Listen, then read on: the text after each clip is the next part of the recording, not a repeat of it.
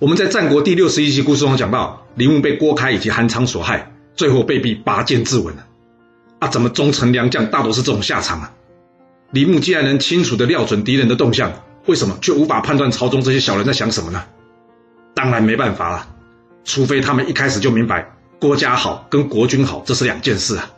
要是没有办法分清楚这两件事啊，以为对国家有利就是对国君有利啊，这些小人就非常容易见缝插针啊。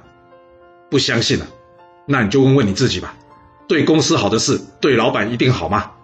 好人一定要学会聪明以及自保，要不然就会变成了奸臣小人口中的乳蛇了。你说是吧？